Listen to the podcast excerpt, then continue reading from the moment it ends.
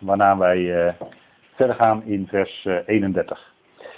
Trouw vader, wij danken u dat we ook hier vanavond weer bij elkaar kunnen zijn en dat doen rond uw woord weer. Vader, dank u wel dat we dat profetisch woord mogen bestuderen. Dank u wel dat u het geeft, dat u tijd en gelegenheid geeft. We leven in een bijzondere tijd, vader, de tijd waarin we toeleven naar de eindtijd en u geeft ons een geweldige, geweldige verwachting dat de bazuin zou klinken voordat werkelijk alle gebeurtenissen rond de 70ste jaarweek zullen gaan plaatsvinden. Vader, dank u wel dat wij die eerdere verwachting hebben in Christus, Vader, die u ons geeft en waarin we weggeroepen zullen worden van deze aarde en waarna u met uw volk weer verder gaat, Vader, uw volk Israël. Dank u wel dat we die lijnen mogen trekken. Vanuit uw woord, Heer, geeft u ons daarin wijsheid en leiding door uw Heilige Geest. Vader, dat het mag zijn tot opbouw van ons geloof, omdat we zien hoe uw vaste hand de geschiedenis leidt en hoe u alles nauwkeurig en gedetailleerd heeft voorzegd wat gaat gebeuren, Vader. Uw woord is betrouwbaar, uw woord is de waarheid. We mogen zo stap voor stap verder komen in die zaken die u al heeft aangezegd. En Vader, we beseffen ook dat met name de leden van uw volk daar profijt van zullen hebben, de gelovigen, als deze dingen gaan spelen in de eindtijd. En zij dan ook zullen weten wat te doen. Vader, dank u wel dat we zo vanavond weer een moment daarbij kunnen stilstaan. Dank u voor ieder die er is. En vader, geef ons een luisterend oor en een luisterend hart. Vader, achter dit alles zien we uw liefde die dit uitwerkt. Vader, we danken u daarvoor. In de machtige naam van uw geliefde Zoon, onze Heer Jezus Christus. Amen. Goed, de loopbaan van de koning van het noorden, die waren we aan het bekijken. En deze loopbaan die zal zich uh, voltrekken rond, en we zijn al enige tijd bezig rondom die 70ste jaarweek. En we hebben de versen van Daniel hoofdstuk 11 uh, eh, tot en met, tot, tot en met uh, vers 31 met elkaar gelezen bekeken. En we willen vanavond eh, dan verder gaan om te kijken naar die loopbaan van de koning van het noorden, zoals die dan in Daniel 11 genoemd wordt. We hebben hem ook geïdentificeerd als de wetteloze. Dat is dezelfde figuur. En hij is ook al eerdere keren in het boek Daniel aangeduid. En het is um, zo dat hij uh, zijn gang zal gaan. En we zien in de volgende verse, zoals u het overzicht op deze dia ziet, uh, vers 28 markeert eigenlijk het begin van de 70 jaarweek van Daniel 9. En vers 30 en 31 markeren het midden van de laatste jaarweek. Daar zijn we vorige keer gestopt. En de versen 32 tot en met 35 beschrijven de grote verdrukking en dan met name als uitwerking op de leden van het volk Israël. Het is een hele gedrukte, een hele gecomprimeerde omschrijving. In andere profetieën wordt die uitgebreider, uh, komt die aan de orde. Wat het volk zal overkomen en ook wat zij zullen moeten doen. En zij zullen in zee gaan, dat hebben we vorige keer ook gezien aan de hand van Johannes, Johannes 5, dat zij degene zullen aannemen zoals de Heer Jezus dat toen tegen zijn volksgenoten zei. Zij zullen gaan aannemen die komt in zijn eigen naam. Dat kunt u lezen in Johannes 5, vers 43. Dat zal zijn dan op dat moment de valse Messias, die aangeduid wordt in de brieven van Johannes als de antichrist, dus degene die zich in plaats van de Christus stelt. Hè. Anti is niet tegen in het Grieks, maar anti betekent in het Grieks in plaats van. In ons spraakgebruik heeft anti de betekenis van tegen gekregen. Maar in het oorspronkelijke Grieks betekent het in plaats van. Dus het zal een Messias zijn die zich in plaats stelt van de ware Messias. En dat is natuurlijk de ware gezalfde Heer Jezus Christus. En dat is natuurlijk degene die gaat komen. Maar eerst zullen zij misleid worden. Zoals, zoals de Heer Jezus ook zelf eh, tegen zijn discipelen zei in Matthäus 24. Er zullen valse Christussen en valse profeten opstaan. En ze zullen velen misleiden. Zo zal het ook in die tijd zijn. En dan zullen zij ehm, ook leden van het volk velen zullen dan misleid worden. En het zal zelfs zo erg zijn dat eh, hij zelfs zal pogen de uitverkorenen te misleiden. En dat zal misschien hier en daar nog lukken ook. Want die mogelijkheid bestaat. En in, dus in vers 2 tot en met 35 lezen we over de grote verdrukking. Nou goed, we gaan maar snel lezen. En u uh, leest dan in de concordante tekst in vers 31 armen of armeeën, want het gaat dan om legers, maar het woord arm wordt er in het Hebreeuws gebruikt, maar dat staat als beeldspraak voor het woord leger. De arm van een machthebber is zijn leger. Zullen vanuit hem opstaan en zij zullen de heilige plaats verwonden, de sterkte en wegnemen het gedurige offer en het overgeven aan de verwoestende gruwel. Dat is wat in het midden van de jaarweek gebeurt. Hè. Er wordt de gruwel der verwoesting opgericht, uh, waar de Heer Jezus ook naar verwijst in Matthäus 24, vers 15. Dan waarschuwt hij zijn, de gelovigen uit zijn volk door te zeggen, wanneer jullie dan zullen zien de, de gruwel van de verwoesting waarvan gesproken is door de profeet Daniel, dus dat is een hele duidelijke aanduiding, uh, dan moet je maken dat je wegkomt. Dan moet je, als je dan nog in het land bent, dat is eigenlijk de, de strekking ervan. Als je niet al eerder gevlucht was, maar als je dan nog steeds in het land bent, dan moet je maken dat je wegkomt en ook snel. Want je zult niet eens meer tijd hebben om je huis nog in te gaan als je op het dak van je huis bent. Uh, je moet maken dat je wegkomt, geen seconde meer te verliezen. En dan moet je gaan naar de plaats die gereserveerd is, de plaats die we vanavond ook nog zullen zien. Maar goed, daar komen we nog op terug. Dan wordt de gruwel van de verwoesting opgericht. Een gruwel in de Bijbel. Ik ga nu even snel, want ik veronderstel het toch even bij u bekend. We hebben de vorige keer naar deze versen gekeken. Een gruwel in de Bijbel is een afgod. Een afgod is een gruwel voor Gods ogen. En als u dat nog niet zo weet, dan zou ik zeggen, pak een concordantie, zoek het woord gruwel op en u zult ontdekken dat een gruwel in Gods ogen een afgod is. Meerdere dingen, maar vooral afgoden. Dan wordt de Satan dus de tegenstander, de draak wordt hij dan genoemd in openbaring 12. De grote rode draak wordt op de aarde geworpen, dat zal ook gebeuren op het midden van de jaarweek.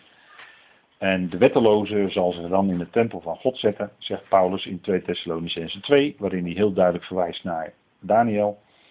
En hij zegt ook tegen Thessalonicense dat hij met hen daarover gesproken heeft. Dus Paulus heeft daar uit Daniel gesproken, dat kan niet anders.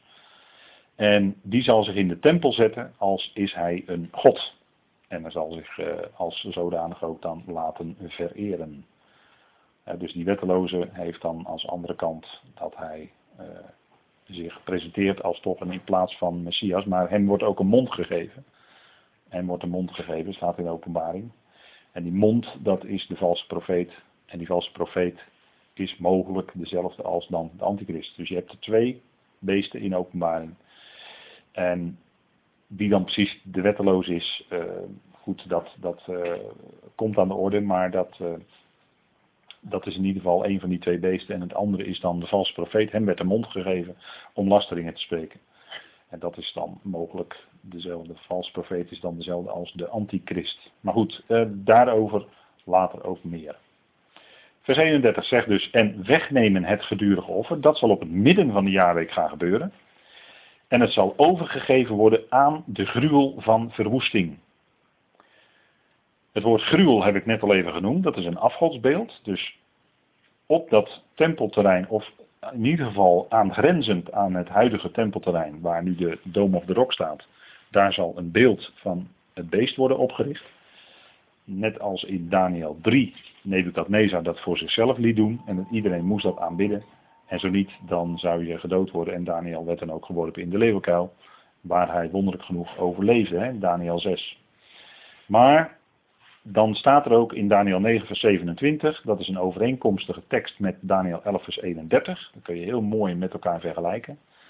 Op de helft van de zevener zal hij, dus dat is die laatste zevener, zal hij slachtoffer en spijsoffer doen ophouden.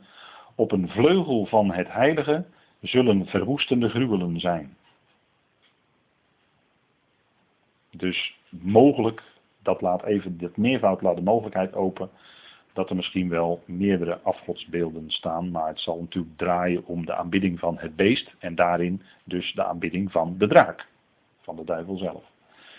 En waarom nu verwoesting? Want u zegt misschien, u denkt misschien aan het letterlijke verwoesten. En dan denkt u, ja, er wordt niks verwoest, er wordt juist iets opgericht. Maar verwoesting kunt u hier opvatten als een uh, figuurlijk spraakgebruik voor uh, als mensen zich desolaat, en desolaat betekent verwoesting, verwoestend, als mensen zich desolaat voelen. En wat heb je dan als je je desolaat voelt? Dan voel je je heel erg vereenzaamd, eenzaam, en je gevoelens zijn als het ware verwoest.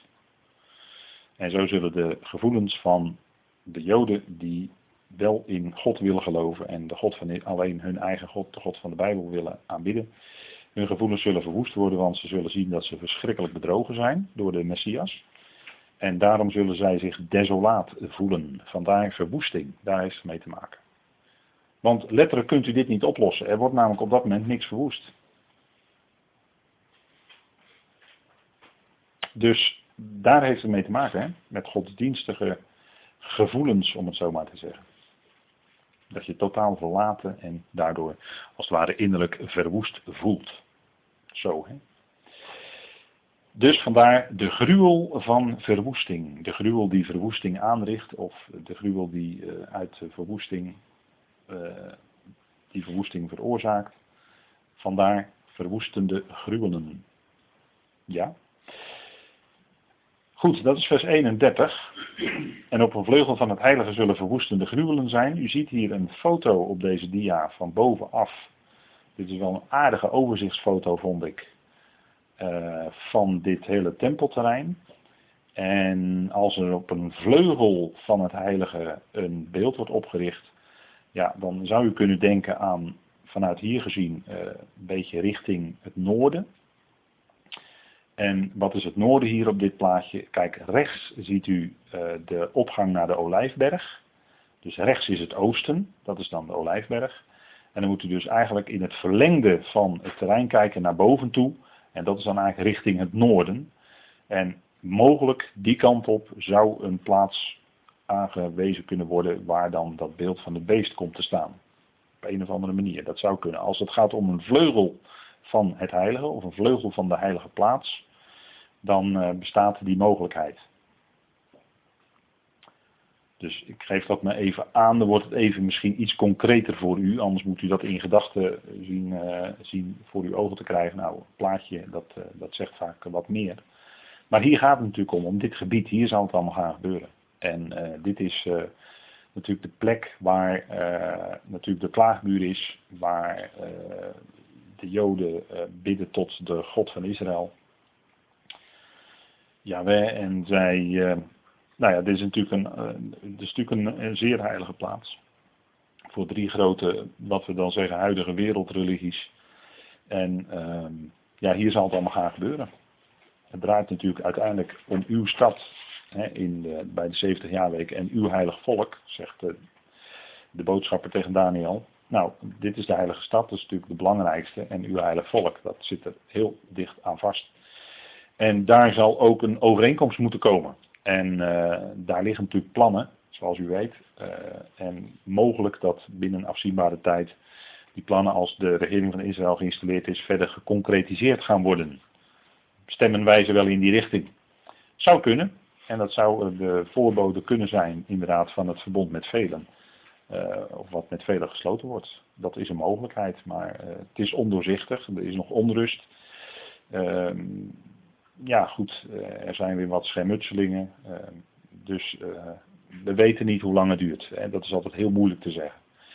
Maar goed, men werkt er altijd aan, voortdurend aan, op, om te komen tot een vredesverbond. En ja, als dat er komt, dan kunnen we misschien zeggen dat dat met Daniel 9 te maken heeft.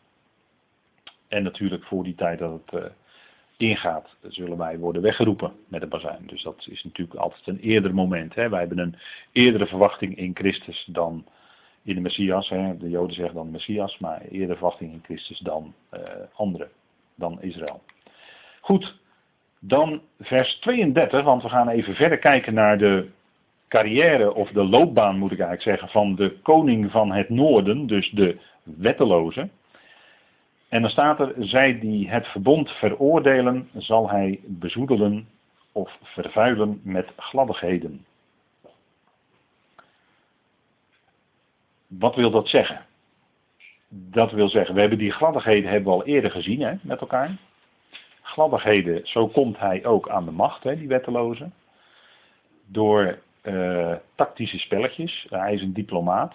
Eh, hij zal eh, zo danig kunnen opklimmen. Hij zal in eerste instantie een, iemand lijken die veracht is. Dus die men dat niet toedicht dat hij die positie zal bereiken. Hij zal onaanzienlijk nog zijn, of achter de schermen, buiten, het, uh, grote, buiten de grote uh, camera's enzovoort, zal hij zijn gang kunnen gaan. En dan zal hij opkomen, hij zal sterker worden en dat doet hij door gladdigheden. Dat doet hij door aan, ja, hier en daar te onderhandelen, door misschien cadeautjes te geven, door allerlei, met allerlei mensen goede contacten te onderhouden en zo langzamerhand die zaak politiek voor zich te winnen. En dat hebben we gezien, dat worden dan gladdigheden genoemd. Nou, dat zal ook zo zijn met zij die het verbond veroordelen. Wie zijn dat? Dat zijn de, zeg maar, de seculiere joden die dat verbond, dus het verbond van uh, wat de orthodoxe joden wel heel erg willen vasthouden, het verbond van Yahweh met Israël, uh, dat veroordelen zij eigenlijk. Zij willen niet te maken hebben met die religie, die fanatieke religieuze zwarthoeden met hun zwarte kleding, die eh, heel veel lawaai maken in Israël, heel veel kabaal en ook heel veel gedaan krijgen, invloed hebben in de regering. Maar er zijn velen die dat verbond juist veroordelen en die zal hij juist natuurlijk mee kunnen nemen. Want hij zal een regeling gaan treffen, uh, eigenlijk buiten die uh, orthodoxe om. Hij moet ze natuurlijk wel rekening mee houden, dus hij zal ook zorgen dat er een, mogelijk een offerdienst uh, toch wordt hersteld. En misschien zelfs wel dat ze een eigen tempel kunnen bouwen, want Tempelinstituut heeft alles klaar liggen. Maar uh, hij zal vooral degene die het verbond veroordelen, dus de seculiere joden, zal hij met zich meekrijgen. En dat zijn de Zionisten. De Zionisten zijn seculiere joden. Dat mogen duidelijk zijn. En uh, die hebben nog steeds eh, in Israël de macht.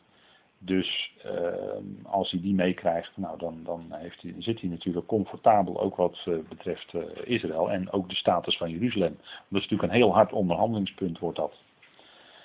En volks, er staat ook bij, hè, ik heb het even bij gezet, volksgenoten van Daniel die het verbond en de problematische religie niet zien zitten. En mogelijk, het kan ook betreffen, het kan ook betreffen de afvalligen, dus de afvallige joden, die in Babylon zitten. Want er zal een vlucht zijn, en daar geloof ik heel stellig in, daar ben ik heel erg van overtuigd, dat afvallige Joden, rijke Joden, dat die naar Babylon zullen gaan. En u ziet daar op dat plaatje een Eva, althans een afbeelding, iemand die heeft dat zo op die manier getracht af te beelden. Wat is een Eva? Een Eva is een handelsmaat, is een inhoudsmaat. Uh, de schattingen lopen uiteen van 20 tot 45 liter in onze bekende, in onze bekende liters die wij, uh, water die we in de emmer doen. En uh, het is een handelsmaat en die Eva heeft een loden deksel. En dat die vlucht van die Eva, dat is een hele merkwaardige profetie in Zacharia 5. Die vlucht van die Eva, die vinden wij in een stukje van Zacharia 5. Ik stel voor dat we dat even met elkaar opzoeken. Want in die Eva zit een vrouw en dat heeft natuurlijk een betekenis. Dat heeft een uh, symbolische betekenis. Het is een wat merkwaardige profetie, maar u kent hem waarschijnlijk wel. Zacharia 5. Want daar gebeurt iets met die Eva. En er staat in vers 5, Zacharia 5 vers 5. En de engel die met mij sprak, trad naar voren en zei tegen mij, sla toch uw ogen op en zie wat daar tevoorschijn komt. Ik zei, wat is dat? Hij zei, dat is een Eva die tevoorschijn komt. En uh, dat is een, uh, een, een, een, Eva is dus een handelsmaat. In de herziende statenvertaling wordt erbij gezegd dat het een korenmaat is. Nou, dat, uh, dat is, eh, dat is ook zo, die tevoorschijn komt en hij zei, dat is het oog dat over hem waakt in heel het land. U ziet daar ook weer, als u de herziene heeft, een sterretje bij staan en er wordt er verwezen naar hun oog of hun ongerechtigheid. Dat is namelijk een andere lezing. In het Hebreeuws liggen die woorden heel dicht bij elkaar. Dus het kan in het overschrijven een uh, defectieve overschrijving zijn, waarbij de oorspronkelijke tekst ongerechtigheid was en waar de later heeft men het niet goed gezien en heeft daar één letter iets veranderd, waardoor het woord oog naar voren komt. Goed, dat even als toelichting. Uh, degenen die Hebreeuws kennen, die weten, die weten dat wel. Uh, dus de ongerechtigheid, en dat is gezien de context, is dat eigenlijk, lijkt het er heel sterk op gezien het tekstverband dat dat de juiste lezing is. Maar dat is dus een, in het Hebreeuws dus een, uh, een, een defectieve overschrijving. Dus de ongerechtigheid. En zie, een loden deksel werd opgelicht en er was één vrouw midden in de Eva. En hij zei, deze is de goddeloosheid of de slechtheid. Dat woord slecht, dat is in het Hebreeuws het woord rasha. En dat betekent, uh, wordt vaak vertaald met goddeloos. Uh, de concordante vertaling geeft dan meestal het woord slecht. Dus uh, de wicked. Hè? Het Engelse woord wicked. En hij wierp haar midden in de Eva en wierp het loden gewicht of de loden steen op de opening ervan. Wat wil dat nu zeggen? Lood, een loden deksel, lood heeft te maken met de wet. Want de, het, loodsnoer aanleggen, of het paslood, is een hele, dan, dan heb je een hele rechte lijn hè, aan een touwtje. En dat is wat de wet doet. De wet is recht. En die laat dus zien wat er van afwijkt. Dat is krom natuurlijk. En de wet veroordeelt dat. Maar daarom heeft lood te maken met de wet. En daarom zegt u van ja, wat heeft zo op die manier. Hè? En een loden gewicht wordt het ook genoemd. Een loden deksel. En dan wordt het al iets duidelijker, want als er dan een vrouw onder dat loden deksel zit, dan is dat Israël. Dan die staat onder de wet.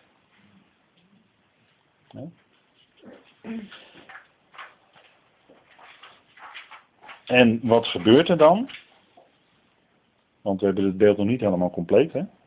Wat gebeurt er dan? En staat er, ik sloeg mijn ogen op en zag en zie, twee vrouwen kwamen tevoorschijn met de wind onder hun vleugels. En ze hadden vleugels als de vleugels van een ooievaar. En ze tilden de Eva op tussen de aarde en de hemelen. En toen zei ik tegen de engel die met mij sprak, waar brengen zij de Eva, deze Eva heen? Want dat is natuurlijk heel belangrijk. Wat gaat er nu gebeuren? En hij zei tegen mij naar het land Siniar om voor haar een huis te bouwen. Is het gereed, dan wordt zij daar op haar voetstuk geplaatst. Of wordt zij daar op haar basis gezet. Daar heeft zij dan haar basis, haar nieuwe basis, om het zo maar te zeggen. Ze heeft een huis, ze krijgt daar dus een huis. Dus ze gaat daar wonen, dat wordt een nieuwe woonplaats. En het land Siniar is natuurlijk het land van Babylon. En wat zien we hier dus eigenlijk gebeuren? Hier gaat het, uh, want het gaat hier om, wat zit er in die Eva? Nou, dat is de slechtheid. Hè? Dus hier gaat het om het afvallige Israël. En als u mij vraagt, zijn dat een aantal rijke Joden. Die niets te maken willen hebben met de God van Israël. En ook niet met de religie van Israël. Helemaal niets. En die worden dan in snelheid naar Babylon. Die gaan dan in snelheid naar Babylon. Hè. Daar duidt dat vliegen op, dat het snel gebeurt. En daar zullen zij, vanuit daar zullen zij uh, als, uh, als degene die uh, eigenlijk achter de schermen, daar zullen zij degene zijn die achter de schermen in feite de wereldheerschappij uitoefenen. En dat doen zij natuurlijk door middel van hun grote machtsmiddel, dat is het geld. Want het geld, ze zijn zo ontzettend rijk, daar heb je geen idee van, dat kunnen wij niet becijferen. Maar het geld is voor hun ook een symbool eigenlijk van de macht die ze hebben. En uh, wie dat zijn, daar hebben we wel eens over gehad. Maar uh, dat blijkt ook, als u het mij vraagt, blijkt dat ook uit de verdere beschrijving die we hier zien van Daniel 11. En die, die gaat dus in Babylon zitten. En wat wordt er van de stad Babylon gezegd? Dat is een bekende uitspraak. Die heeft een koninkrijk op of boven de koninkrijken van de aarde. Dus door middel van het geld regeren zij in feite achter de schermen, controleren zij, beheersen zij, regeren zij de hele wereld.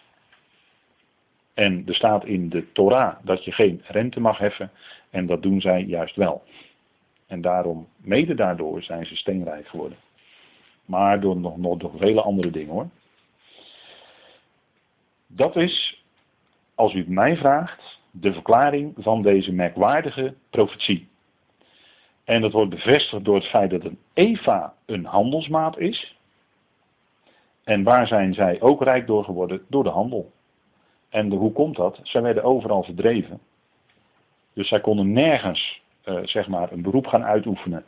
Waardoor ze langdurig in land of landen konden verblijven. Geen agrarisch beroep in ieder geval, want ze werden steeds verdreven. Ze werden steeds gediscrimineerd. Ze werden steeds verjaagd. Dus waar gingen ze zitten? In de handel. In de diamanthandel. Het geld, want het geld is grensoverschrijdend. Uh, overschrijdend. Um, dus op allerlei manieren. En de handel in aandelen en noem alles maar op. Dus met de handel zijn ze, hebben zij hun onmeet, onder andere hun onmetelijke rijkdommen uh, bereikt. En uh, zij zijn daarin heel, heel, heel erg slim. Dus dat even over die merkwaardige profetie uit Zacharia 5. Zij gaan dus naar Babel en dat sluit helemaal aan op de profetie of de, het einde van, de, van Babel Zoals dat beschreven staat in openbaring 17, 18 en 19. En Babylon. En daarom, omdat Johannes die ziet daar iets en daardoor is hij verbijsterd. Dat wordt dan verder uitgewerkt in, die, in het boek Openbaring. Maar goed, wij gaan verder in Daniel 11, vers 32 tot en met 35, want daar wordt beschreven de grote verdrukking. En de grote verdrukking zoals die een uitwerking zal hebben op het volk. Wat het volk zal overkomen. In vers 32 staat, daar zien we eigenlijk twee kanten. Aan de ene kant zien we het volk dat zijn God kent, dat zijn alue, alue is een bepaalde Hebreeuwse aanduiding, dat betekent uh, onderschikken, gericht op de onderschikken. Alue, dat zijn alue kent, zal pal staan en overeenkomstig doen dat zijn de anderen. Hè? We hebben net in het vorige vers gezien, degene die het verbond niet zien zitten, de seculiere joden.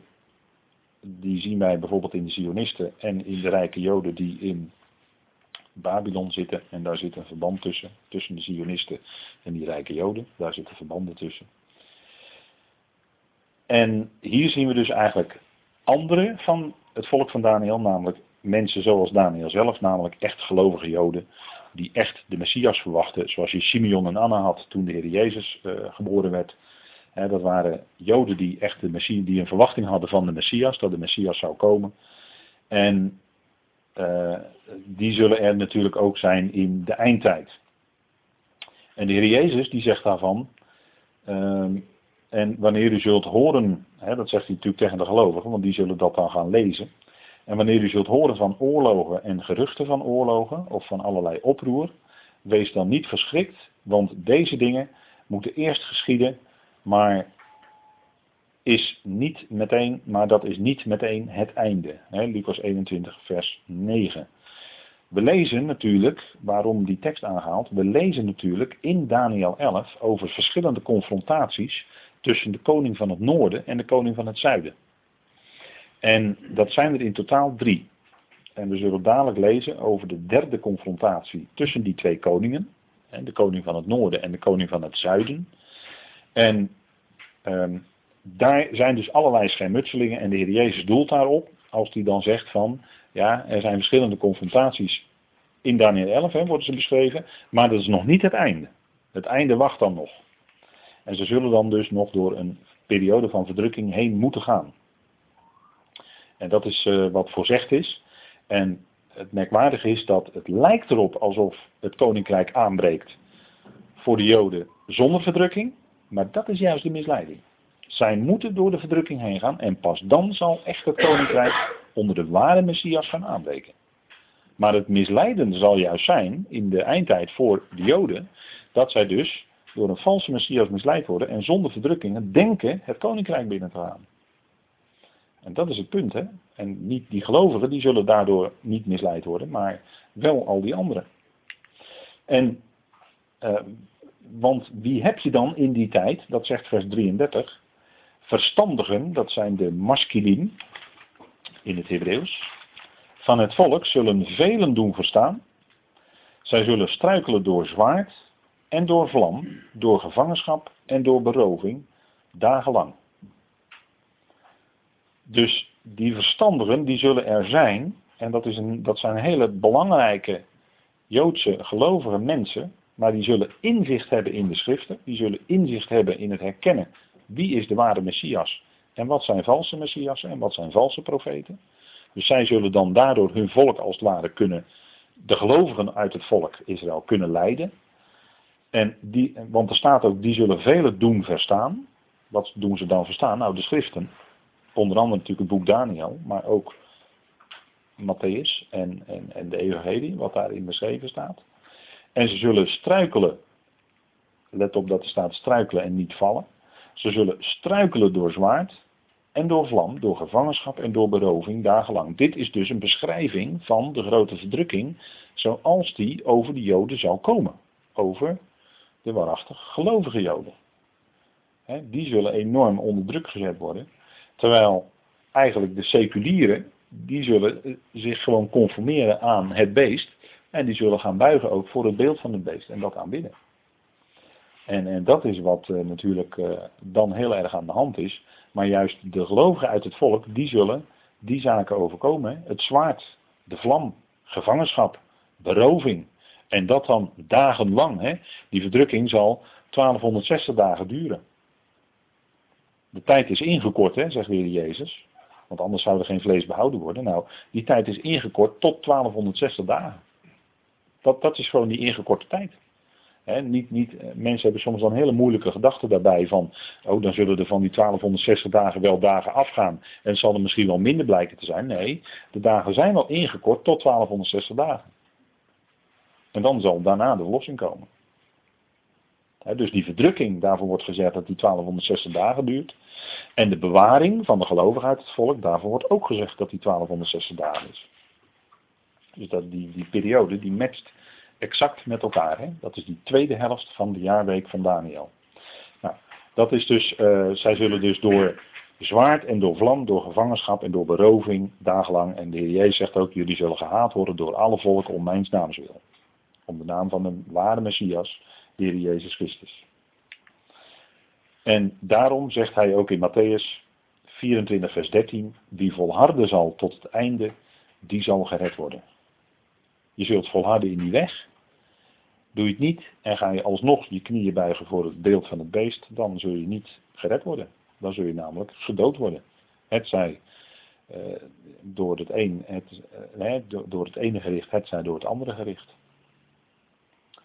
En het punt is natuurlijk dat in het midden van die, of aan het begin van de jaarweek, is er betrekkelijk vrede en rust. Het is niet zo, mensen hebben steeds over oorlogsdreiging in het Midden-Oosten en stellen er dan ook wel eens vragen over, ja, hoe zit het dan met Iran en Israël? En daar wordt natuurlijk steeds dreigende taal geuit, maar dat is al jaren aan de gang tussen Iran en Israël.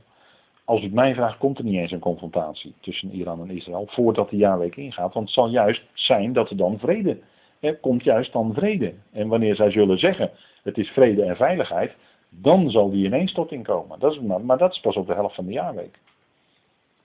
En dan gaan er ook allerlei hè, grote oorlogshandelingen plaatsvinden. Nou, de helft van de jaarweek kenmerkt zich door het stopzetten van het ritueel, wat het dan ook maar is. Misschien echt inderdaad letterlijke offers.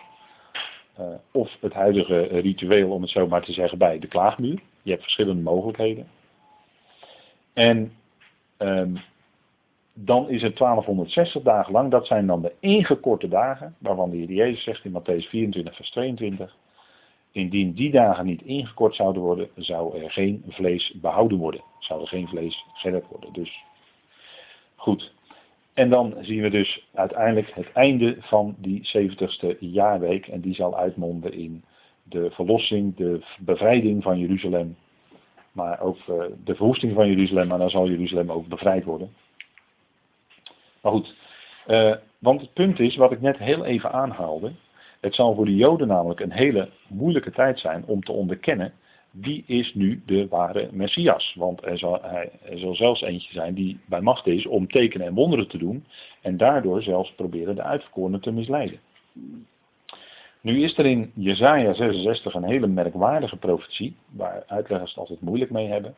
Maar deze profetie zou wel eens voor de gelovige Joden heel waardevol kunnen zijn om te onderkennen waar het nou precies om draait. En laten we dat even met voorop zoeken. Jesaja 66.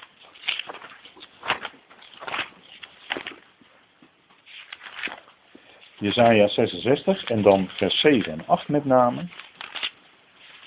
En dan gaat het over de, er staat boven dan ook in uw vertaling de wonderlijke geboorte van de kinderen van Sion. En Jezaja 66 vers 7 zegt dan, voordat zij weeën kreeg, heeft zij gebaard. Voor een, wee, voor een wee over haar kwam, heeft zij een jongetje ter wereld gebracht. Wie heeft zoiets gehoord? Wie heeft iets dergelijks gezien? Nou, dat is natuurlijk heel merkwaardig. Hè? Dat, er een, dat er dan een, een kindje geboren wordt, een jongetje geboren wordt, zonder dat er weeën zijn. Dat kan eigenlijk niet, want er zijn eigenlijk altijd, voorafgaand aan de geboorte, zijn er altijd weeën. Dus dit is iets heel wonderlijks wat hier beschreven wordt. En weeën is natuurlijk een tijd van verdrukking. Is een tijd van verdrukking. En als we kijken naar die jaarweek, dan zal het zo zijn dat zonder weeën gaat er een periode van vrede en rust aanbreken over Jeruzalem en over Israël. Onder leiding van dus die valse Messias. Onder leiding van die valse figuur. En dat zal dan zonder verdrukking zijn. Het zal eh, gewoon een overeenkomst zijn die op papier wordt gezet en die wordt, eh, die wordt ondertekend. En uh, dat is dan. En, en zo denkt, denkt de regio en denkt met name Israël eindelijk rust te kunnen hebben. Hè? Vrede en veiligheid en rust. Maar zonder weeën, dus zonder verdrukking. Terwijl Gods woord duidelijk voor zegt dat de komst van het koninkrijk is met verdrukkingen. Gaat met verdrukkingen gepaard. Dus wat hier staat in Jezaja 66 is natuurlijk iets wat zo wonderlijk is. Ja, het zal wel een keer gebeuren in de geschiedenis, namelijk aan het begin van de jaarweek. Dan zal er iets geboren worden. Dan lijkt het dat er iets geboren wordt, laat ik het zo zeggen. Iets geboren, hè, er, wordt, er wordt iets geboren, maar wat is het? Het is zo wonderlijk, zegt de profeet. Hè, wie heeft iets dergelijks gezien? Zou een land geboren kunnen worden, hè, of pijn kunnen hebben op één dag? Zou een volk geboren kunnen worden in één keer? Als het ware zonder weeën, hè, dat wordt dan even geïmpliceerd omdat het net gezegd is. Maar er moeten natuurlijk weeën zijn, er moet natuurlijk iets gebeuren Voordat daadwerkelijk echt iets geboren kan worden. Waar het echt om gaat. En dan staat er ook, maar Sion heeft nauwelijks weeën gekregen. En haar zonen al gebaard. Maar dit is hier een vertaling die gekleurd is doordat de vertalers eigenlijk niet precies begrepen waar het nou hier om gaat. Want eigenlijk is de vertaling, maar Sion heeft weeën gekregen Bovendien baart zij haar zonen. Want, staat er in vers 9, zou ik ontsluiting geven en niet doen baren, zegt de Heer. Of zou ik die doelbaren toesluiten, zegt uw God. dus er wordt in vers 8 gesproken over die weeën. Sion heeft weeën gekregen. Bovendien heeft zij haar zonen gebaard.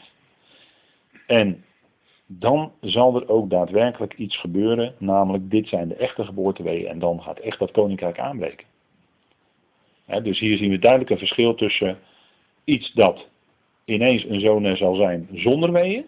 Maar dat is heel merkwaardig, dat zegt de profeet ook.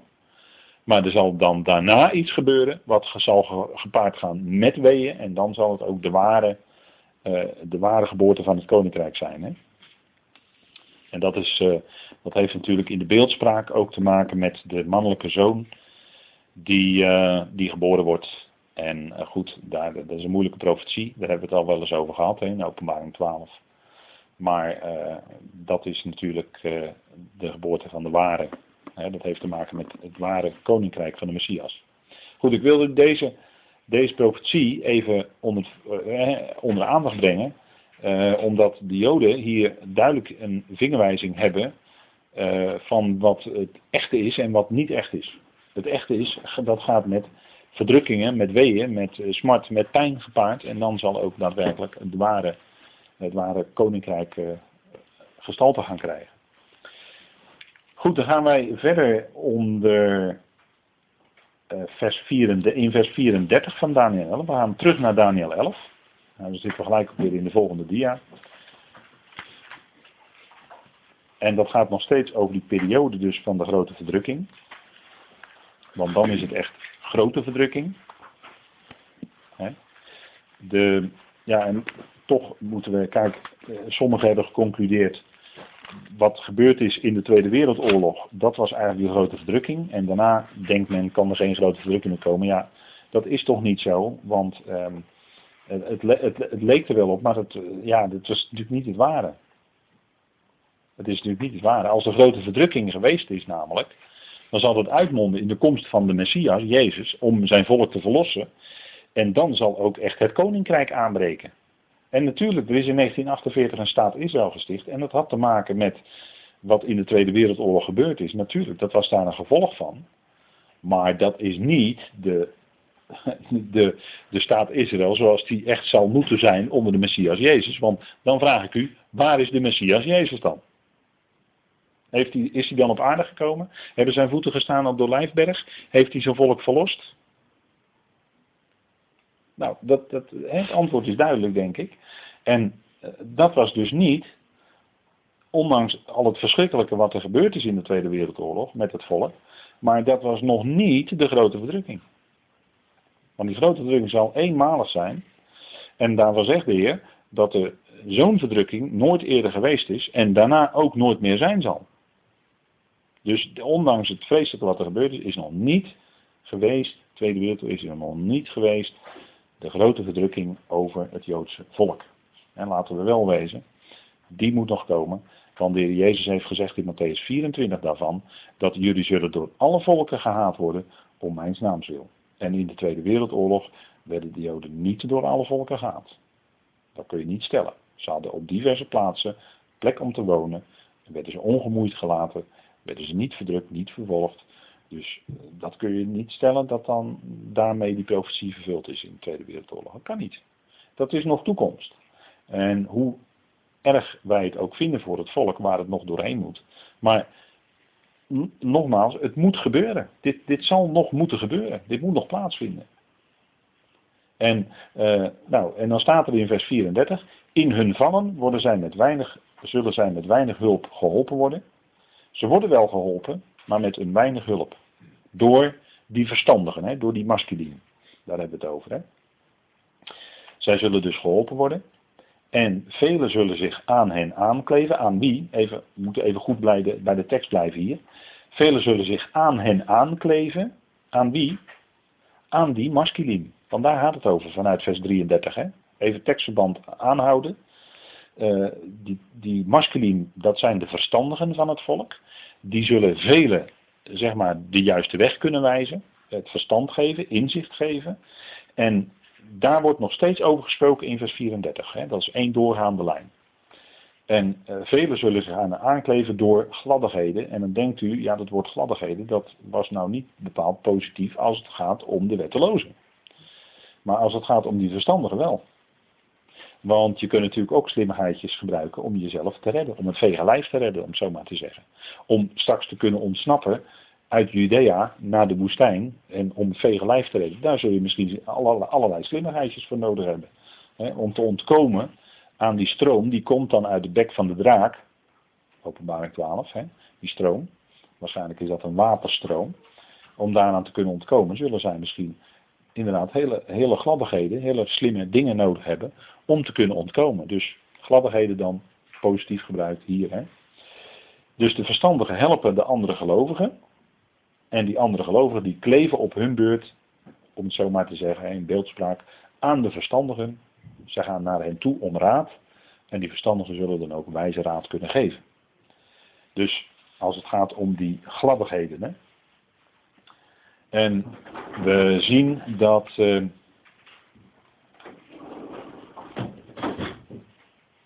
we zien dat uh, uh, deze Joden, deze gelovigen, zich dan zullen kunnen redden. In vers 34. En dat zal gebeuren in die grote verdrukking. Hè? En dan staat er van die wettelozen, van diegene die, zich, die de koning van het noorden wordt genoemd in Daniel 11. Dan, daar staat van dat hij zal zich verheffen boven elke God.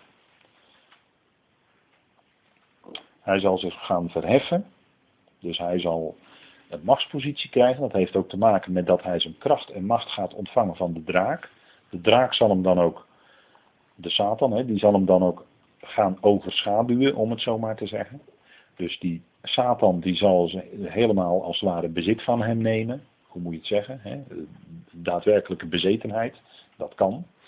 Eh, dat gebeurde ook bij Judas namelijk. Hè. Er staat dat de Satan in zijn hart voer en pas toen kon hij de Heer verraden. Leest u dat maar na, hè. staat in Johannes, Johannes 13 dacht ik. En zo zal het ook zijn bij die wettelozen, bij degene die zich hier verheft boven elke God. Dat zal hij doen, want hij zal eerst de diplomaat nog zijn. Hij zal eerst vriendelijk zijn voor heel veel mensen. En ineens, hè, op die helft van de jaarweek, uh, dan zeggen wij altijd, laat hij zijn ware gezicht zien. Maar hoe kan dat? Dat kan als de Satan, als die geest, de van de tegenstander, zijn hele wezen gaat overschaduwen als het ware. En bezit van hem neemt. En dan zal hij zich ook gaan verheffen. En dan zal hij ook de aanbidding van de mensheid gaan opeisen. Maar in feite aanbidden ze dan in hem de draak. Dat, dat is natuurlijk het punt. Hè? Maar de draak heeft natuurlijk iemand nodig die dat gaat, allemaal gaat bewerkstelligen. Nou, dat zal hij zijn. Dus hij zal zich verheffen boven elke God, staat er dan. Hè? Boven elke al, dat is het Hebreeuwse woord. Uh, dat wordt ook vaak met eel geschreven, el. Uh, maar we schrijven het even precies vanuit het Hebreeuws. Dat is de alef en de lamet. En dat is dan het woord voor de onderschikker. God is dan de onderschikker in het Hebreeuws. En wat zegt Paulus daarvan? En daarmee is weer een stukje bewijs dat Paulus zich baseerde op Daniel toen hij Thessalonicense 2 schreef. Want daar heeft hij het over de tegenstrevende die zich verheft boven wat God genoemd wordt of object van verering, zodat hij zich in de tempel van God zet. Dus hij zal zich verheffen boven wat God genoemd wordt. Dat is precies wat in Daniel 11 staat. Hij zal zich verheffen boven elke God. Paulus citeert als het ware vrijwel letterlijk hier Daniel 11. En, en object van verering, dus hij verheft zich dan boven alles. Dus hij zal niet gebonden zijn aan de Joodse wetten. Hij zal niet gebonden zijn aan de islam. Hij zal niet gebonden zijn aan het christendom. Maar hij verheft zich boven alles. wetteloos wil zeggen, hij trekt zich van geen enkele wet ook meer aan. Hij zal zich daarboven verheven voelen. De tegenstander zal hem ook in daartoe brengen. Zodat hij zich in de tempel van God zet. Nou, dat is wat, uh, wat gaat gebeuren, wat Daniel 11 voor zegt, wat Paulus herhaalt in 2 Thessalonicense 2. En u kunt er zeker van zijn dat dat uh, echt zo gaat gebeuren. En dat had dus alles te maken met dat de Satan uit de hemelen op de aarde wordt geworpen. Zoals dat staat in Openbaring 12. Hè, bekende tekst uit Openbaring dat zal dus gebeuren op het midden van de jaarweek. Dan zal de tegenstander op de aarde worden geworpen. En misschien is het nu even een goed moment om een korte pauze in te lassen.